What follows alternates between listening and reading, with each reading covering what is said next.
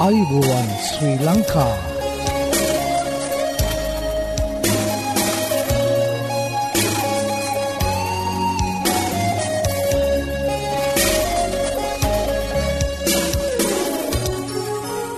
ඔබට සුපදවස මේ Adventist World Radio බලාපොරොත්වය හඬ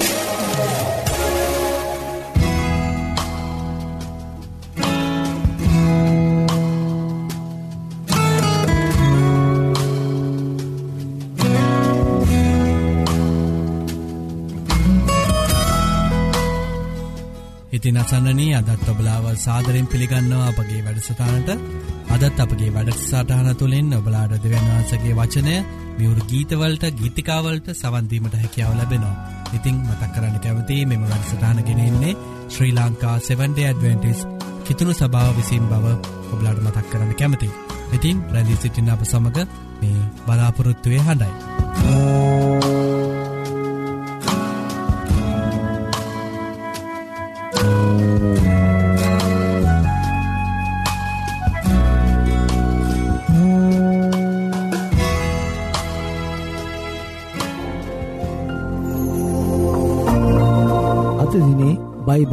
පාටය.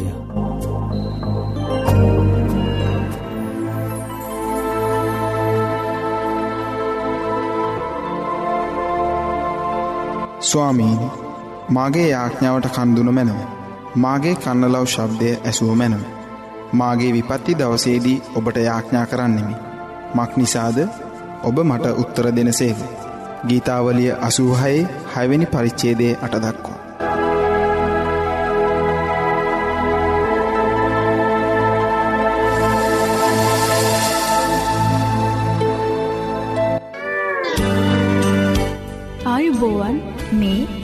ඇඩවෙන්ටිස් වර්ල් රේඩියෝ බලාපොරොත්වය හඬ ඔබ කඳුළු බර ජීවිතයක් ගත කරනවාද අසානකාරි ජීවිතයක් ගත කරනවන. එසේනම් එයට පිල්තුරු යේසුස් වහන්සේ.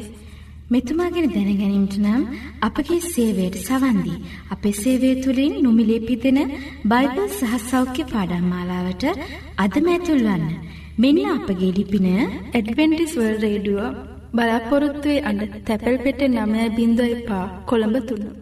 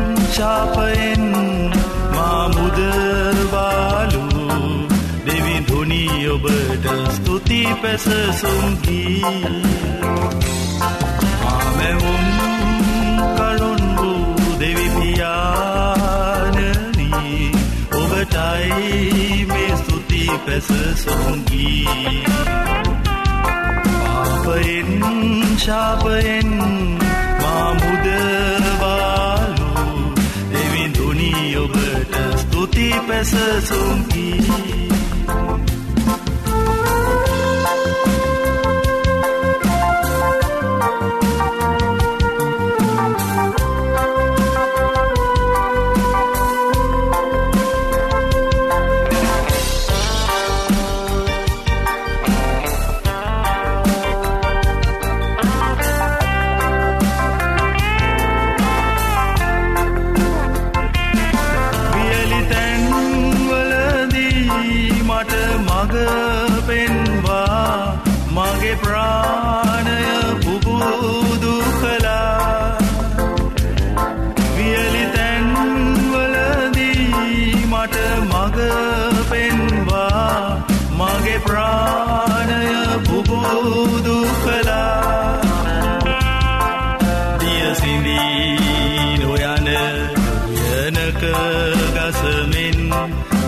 කලටම පලදරනා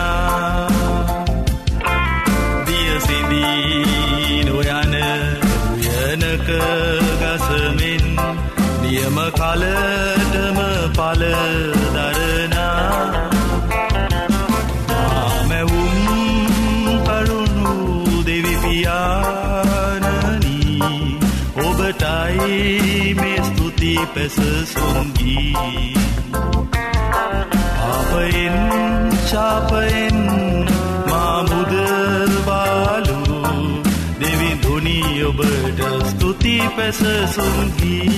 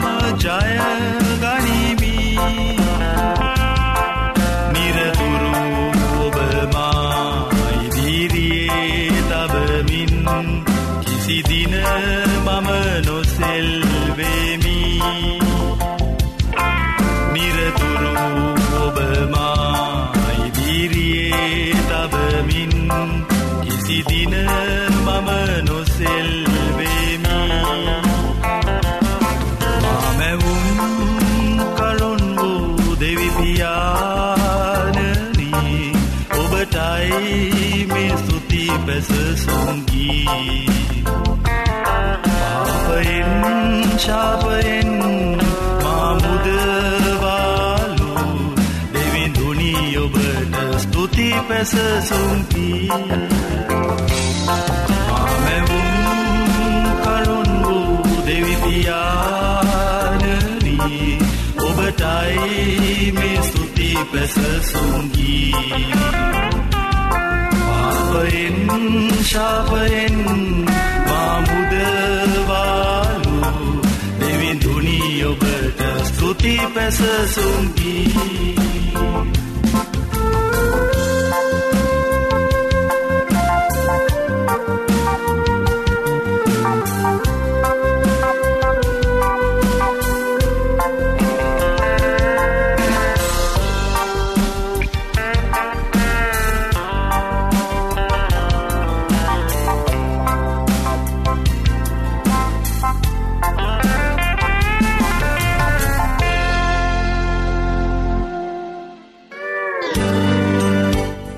ආයුබෝවන් මේ ඇඩ්වෙන්ටිස් වර්ල්ඩ් රේඩියෝ බලාපොරොත්තු වෙන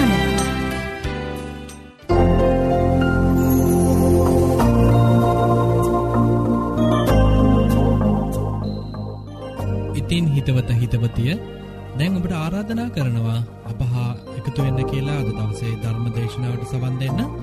අද ඔබට ධර්ම දේශනාව ගෙනෙන්නේ හැරල් ෆිනෑන්ඩු දේවක දිතුමා විසින්. ඉතින් එකතු වෙන්න මේ බලාපොරොත්තුවය හඬට.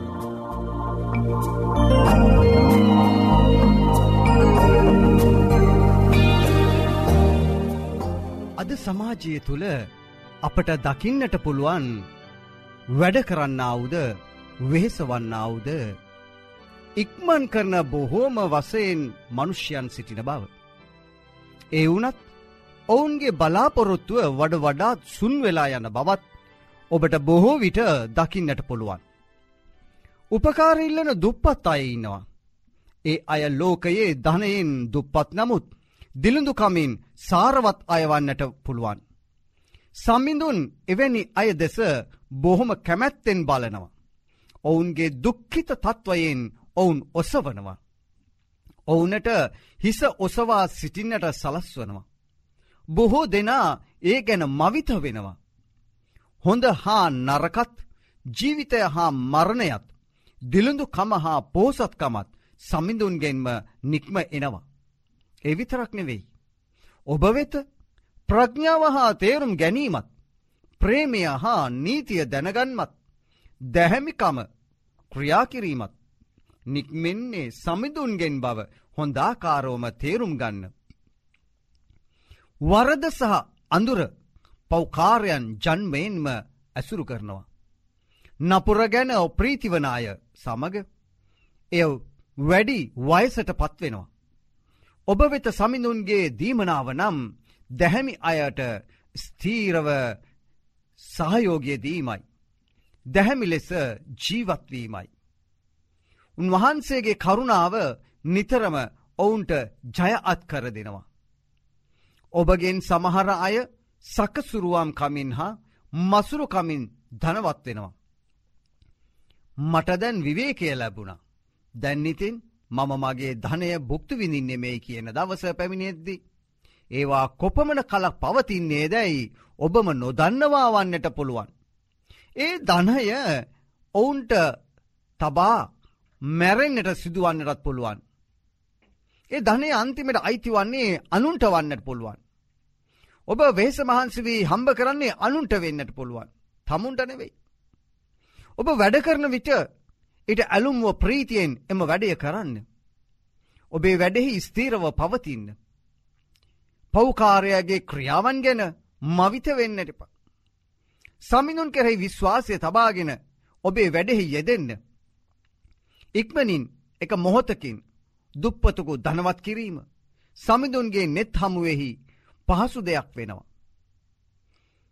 ඔබ විදේශ රටක සිටියත් ඔබ ඔබගේ රටේ සිටියත් මොනයම් දෙයක් කළත් සමිඳුන් ඉදිරියේ හරියාකාරව ජීවත්වන්න. එක මොහොතකදී සමිධානෝ ඔගේ ආශිරවාදය සස්්‍රීක වන්නට සලස්සනවා. මට අවශ්‍ය කුමක්ද මෙතැන් පටන් මම මාගේ ලාභය මුදල අවශ්‍යයයි එහෙම කියන්නට එපා. සර්ව සම්පූර්ණත්වය මට තිබෙනවා. මොන විපාකද මට වෙන්නේ මොනුවද මට වෙන්න තිබෙන්නේ කිසි දෙයක් වෙන්නට මට සේරම තිබෙනවා. කිසිදු විපතක් මටනම් සිදුවන්නේ නැහැයි කියා කියන්නවත් සිතන්නවත් එපා. ලාභ ලැබෙන විට අලාභ සිහි කරන්නේ නැහැ. අලාභ දවසේදී නම් ලාභ අමතක වෙනවා නේද. එක එක මනුෂ්‍යයාට ඔහුගේ මරණදිනයෙහිදී. ඔහුගේ ක්‍රියා අනුව විපාක සැලැස්වීම සමිඳුන්ට පහසුකාරණාවක්. එක මොහොත්තක පීඩාවෙන් සමුෘර්ධය අමතක කරනු ලබනවා. වාසනාව නැතිවී යනවා. නිසංසලකම ජීවිතය තුළ බිඳී යනවා. මිනිස්සුකුගේ අන්තිම මොහොතේදී. එහමනැත්නම් කරද අවස්ථාවේදී මරණ මොහොතේදී හෝ වේවා ඔබගේ ක්‍රියා එලිදරව් කරනු ලබනවා. මරණයට පෙර යමෙකුගේ භාග්‍යය ගැන පාරට්ටු කරන්නට එපා. මොකද කිව්වත් ඔබට මිනිස්සෙකු දැනගන්නට ලැබෙන්නේ ඔහුගේ අන්තිමේදී නිසයි. සෑම මිනිසකුම ඔබගේ නිවසට ගෙන්වා ගන්නත් එපා. කපටයන්ගේ ප්‍රයෝගවලට ඔබ අසුවිය හැකි නිසයි. අහංකාරයාගේ හර්දය කූඩුවක සිරගත වුණ පක්ෂියෙක් වගේ වෙනවා. ඔහු ඔත්තුකාරයෙක් වගේ ඔබේ විනාශය බලාගෙන ඉන්නවා. අපවාද කියන කෙනා යහපත අයහපතට හරවනවා. පැසසිය යුතු ගුණ අගුණට හරවා පතුරුවන නිසාවෙන් අහංකාර වූවන්ගෙන් පරිස්සම් වන්න. ගිනි පුපුරකින් උදුනක් අවුලවනු ලබන්නාක් මෙන් පව්කාරයා අධර්මිෂ්ටයා ලේ වැගිරවීමට නිතරම රැකඉන්න නිසා. ඔබගේ ජීවිතය ගෙවිය යුත්තේ ඉතාම පරිස්සමෙන්. කපටින්ගෙන් පරිස්සම් වන්න ඔහු ඔබට විරුද්ධව උපායවල් යොදන නිසයි. ඔහු ඔබගේ ජීවිතය කෙරෙහි නොබැක්කෙන ලෙසින් කැලලක් ඇති කරන්නට පුළුවන්. නාන්දුනන තැනැත්තෙකු ඔබේ ගෙදරට ඇතුල් කරගන්න එපා. ඔහු ඔබේ ගෘහයෙහි කරදර ඇති කරන්නට පුළුවන්. ඔහු ඔබේ ගෙදර අයගෙන් ඔබව ඈත් කරවන්නට උත්සාහ ගන්නවා වෙන්නට පුළුවන්. එනිසා ජීවිතය කල්පනාකාරිව ගත කරන්න. ඔබ යමෙකොට උපකාරයක් කරන විට. ඒ කරන්නේ කවරෙකුට දැයි දැනගන්න. එවිට ඔබ කළ උපකාරය නිෂ්පලවන්නේ නැහැ. ධර්මිෂ්ට කෙනෙකොට යහපත කරන්න. ඔබට ඒ වෙනුවෙන් විපාකයක් ලැබෙනවා. එම විපාකය ඔහු ගෙන්ම හෝ වෙනත් මනුෂ්‍යයකුගෙන් නොවන්නට පුළුවන්. නමුත් ඔබ ගැන්න දන්නා වූ දෙවියන් වහන්සේ යම් පිළිවෙලකින් ඔබට විපාක ලබා දෙනවා ඇති. ධනය පුරවාගෙන සිටින්නාවුද දන්දීමක් නොකරන්න අවුද මිනිසාට යහපතක් සිදු නොවන බවසහිතයේ තබාගන්න.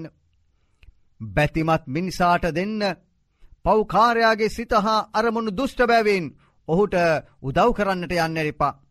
ඔබ ඔහුගේ නෑත්වලයින්න ඇයි ඔහුගේ සිත නිතරම ඔබ කෙරෙහි විරුද්ධවාදී කමින් තිබෙන නිසා. නමුත් ඒ අයට ප්‍රේම කරන්න. ඒ අයත් ඔබ වගේම මනුෂ්‍යයෙක් නිසා. බැහැපත් මිනිසාට යහපත කරන්න අධර්මිෂ්ටයාට කිසිවක් නොදෙන්න. ඔහුට ආහාරද ප්‍රතික්ෂේප කරන්න. එය ඔහුට නොදෙන්න. ඔහු එයින් ඔබට වඩා ශක්තිමත් වෙලා. ඔබ ඔහු සතුට කිරීමට කළ සියල්ලූම උපකාර වෙනුවට දුෂ්ටකම් දෙගුණයක් ඔබට දෙනවා ඇති. මහෝත්තමයාණන් වහන්සේ පවිටුන් පිළිකුල් කරනවා.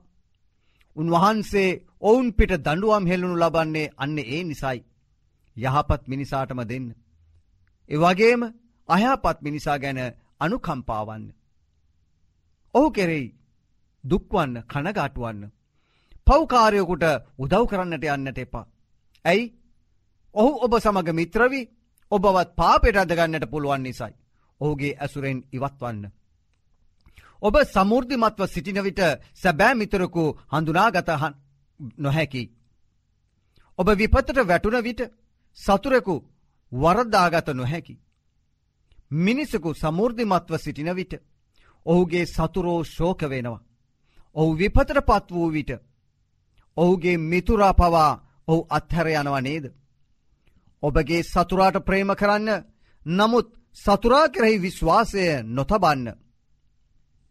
තඹවල දිස්නයමෙන් ඔහුගේ දුෂ්ටකමද වෙනවා ඇති. ඔහු බැගහැපත්වී ඇකිලෙමින් ඔබ වෙත ආවත් පරිස්සමින් සිටින්න. ඔහු කෙරෙහි විශ්වාසය නම් තබන්න එපා. ඔබ කැටපතක් ඔප දමමින් සිටින්නාක්මෙන් හැසිරෙන්න. ඔබගේ තත්ත්වය ඔබ දකින ආකාරයෙන්ම අනිත් අය දකින ආකාරයෙන්ම ජීවත්වන්න උත්සාහවන්ත වෙන්න. ඔහුගේ දිශ්නය වැඩිකල් නොපවතින බව දැනගන්න. ඔහු ඔබළඟ සිටුවා නොගන්න. ඔබ පෙරලා දමල. ඔබේ තැනගන්නට ඔහුට හැකි නිසයි. ඔහු ඔබේ දකුණු පසෙහි වාඩි කරවාගන්න එපා. ඔබේ ආසනය පැහරගන්නට ඔහුට උත්සාහධරන්නට පුළුවන් කමතිබෙන. අන්තිමේදී ඔබ මගේ වචනවල අර්ථය වටහා ගනි. මා ඔබට කීදේ සිතමෙන් පසුතැවිලිවන්නට වෙයි. සර්පයා විසින් දෂ්ට කරන ලද දුෂ්ට මන්ත්‍රකාරයට අනුකම්පා කරන්නේ කවුද. නැතහොත් රුදුරු වන සතුන්ට කැමැත්තෙන්ම මුහුණ පානායට අනුකම්පා කරන්නේ කවුද. පෞකාරයකු සමග සමාගම් පවත්වන්නාවුද. ඔහුගේ පාපවලට හවුල් වන්නාවුද තැනැත්තා ගැනත් එසේම වෙනවා නේද. ඔබ ස්තීරව සිටිනතෙක් දෙවියන් වහන්සේ තුළ ඔබගේ ජීවිතය රන්දා පවතිනතා කළුත් ඔහු තමාව හෙළි කරන්නේ නැහැ. එහෙත් ඔබ මදක් සෙලවුනොත් නම් ඔහු එහි වාසිය ලබාගන්නවා. ඔබ දෙවියන් වහන්සේ තුළින් එහාට මෙහාට වෙනකම් බලාගෙනින්දලා ඒ අවස්ථාවෙන් ඔහු වාසිය ලබාගන්නවා. සතුරාගේ මුවෙහි ඇත්තේ මිහිරක්.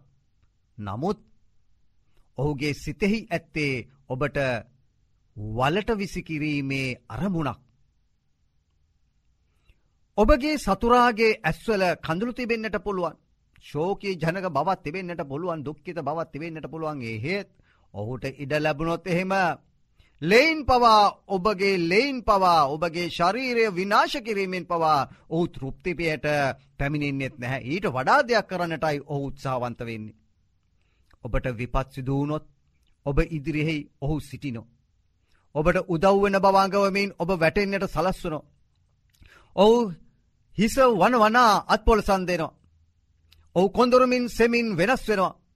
වෙනස් නොවන ඔබට අදරති එක්කම අවංකවූත් ඔබගේ දුක වේදනාව ප්‍රශ්න ජීවිත ගැටලුත් සතුටින් භාරගන්නට ඉන්න කවුද ජේසුතුමා පමණයි. ඒ නිසා ඔබ ජේසුතුමා වෙත ඉන්න. ජේසුතුමා ඔබව කැඳවනවා. ජේසුතුමා ඔබව කැඳවනවා. ජේසුතුමා ඔබට ආදරයි. ජේසුතුමා කව දාවත් ඔබෙන් පලිගන්නට යන්නේ නෑ. ඔබ දුකෙන් ඉන්නවට ජෙසුතුම කවදාවත් කැමති නෑ. ඔබගේ සිත වේදනාවට පත්වෙනවට ඔබගේ සිත පීඩාවට පත්වෙනවට. ඔබගේ පවුල විසිරී යනවට. ඔබගේ පවුල කැඩී බිඳී විනාශ වෙනවට ජෙසුතුමා කව දාවත්ම කැමතින. මගේ ප්‍රියදියනිය මගේ පුතනුව. ජේසුතුමා වෙතට එන්න. ජේසුතුමා වෙතට එන්න. ජෙසුතුමාද කියනො මේ මොහොතේදී. මගේ දියනිය මා වෙතට එන්න. මගේ පුතනුව මා වෙතරෙන්න. මට ඔබගේ තැලුණාව බිඳුනාව ජීවිතය මේ දුකෙන් පීඩිත වූ සිත මට දෙන්න. මම ඔබව ආශිර්වාදමත් කරනවා. මම ඔබව සස්්‍රීක කරනවා. මම ඔබව ඉහලට ගෙන එනවා. මම ඔබව මගේ දෑතේ තබාගන්නවා. මරණ සෙවන මිටියාවතේදීත් මම ඔබ සමග ඉන්නවයි කියලා ජේසුතුමා ඔබට අද පොරොන්දුවෙන්න්නට ලෑස්තියෙන් ඉන්නවා. හැබැයි ඔබ ජේසුතුමා විතරාවත් පමණයි. ඔබගේ දෑත ජෙසුතුමා විතර දිගු කරන්න. ඔබගේ සිත උන්වහන්සේට ඔසවන්න. ඔබගේ ජීවිතය එතුමාට භාර කරන්න අපි යාඥා කරමු. ආදරණීය ජෙසු සමිධානනී මේ භයානක සමාජය තුළ අපි ජීවත්වෙනවා. මේ භයානක සමාජය අපට තේරුම් ගන්නට බැහැ. දියුණුයි දියුණුයි කියන සමාජය තුළ මිනිසා මිනිසාවම ඇන කොටාගෙන මරාගෙන ලේ බීගන ජීවත්වන්නව මේ සමාජය තුළ ඔබ වහන්සේගේ දරුවන් ලෙස අපි ජීවත්විය යුතුව තිබෙනවා. මට ආදරය වගේම අනිත් කෙනාටත් ආදරයෙන් ජීවත්වන්නට අවශ්‍යකම තිබෙන ඒ ඔබ වහන්සේගේ ප්‍රේමය නිසයි ඔබ වහන්සේගේ ගැන්වීම නිසයි. ජේසුතුමානනී. ඔබ වහන්සේ මට ආදරය කළේ කෙසේද. එලෙසම අන් අයටද ආදරය කරන්නට ඔබ වහන්සේ මට දහිරේ ශක්තිය ලබා දෙන්න. ඔබ වහන්සේ මට වෛර කළේන. ඔබ වහන්සේ මට පීඩා කළේන. ඔබ වහන්සේ මට ආදරය මයි කළේ. ඒ වගේ අන් සියලුමායට ආදරයෙන් ජීවත්වන්නට ආදරය කරන්නට ඔබහන්සේ පිහිටවන්න ඔබහන්සේ කිව්වායරින් මෙ භයනක සමාජ්‍යය තුළ පරවියෙක් මෙන් අහිංසකවත් සර්පයෙක් මෙන් ඥානවන්තවත් වන්නට ශුද්ධහත්ම වරම් ලබාදුන මැනව. ශුද්ධහත්මයානනී ඔබගේ බලය මනුස ජාතිය කෙරෙහි වගුරුවන්න ශුදහත්මයනනී ඔබගේ මග පෙන්වීම ඔබගේ මග පෙන්වීම ඉල්ලන්නා වූ මේ දැරිය කෙරෙහි මේ දියනිය කෙරෙහි මේ පුතනුව කෙරෙහි ඔබ වගුරුවන්න. ඔබගේ බලයෙන් ඔවුන් වසාගන්න මේ සෑම කෙනෙකුම ඔබටම පූජාවක්සේ භාර කරන්නේ තිලිනයක්සේ භාර දෙන්නේ ප්‍රේමේ නිර්මාතෘ වූ ආදරණය ජේසු සමිධානන්ගේ නාමෙන්ය ආමේන්. අසන්නේ ඔබ මේ රැඳී සිටින්නේ ඇඩ්වෙන්ටිස් වර්ල්ඩ් රේඩියෝ බලාපොරොත්තුවේ හඬ සමග. ඔබ කඳුළු බර ජීවිතයක් ගත කරනවාද? අසහනකාරී ජීවිතයක් ගත කරනවද? එසේනම් එයට පිළිතුරු යේසුස් වහන්සේ මෙතුමා ගැන දැනගැනීමට නම් අපගේ සේවයට සවන් දී අපේ සේවය තුලින් නොමිලේ පිදෙන බයිබල් සහ සෞඛ්‍ය පාඩම් මාලාවට අදම ඇතුල් වන්න. මෙන්න අපගේ ලිපින ඇඩ්වෙන්ටිස් වර්ල්ඩ් රේඩියෝ බලාපොරොත්තුවේ අඩ තැපැල් පෙට්ටේ 9.5 කොළඹ තුන.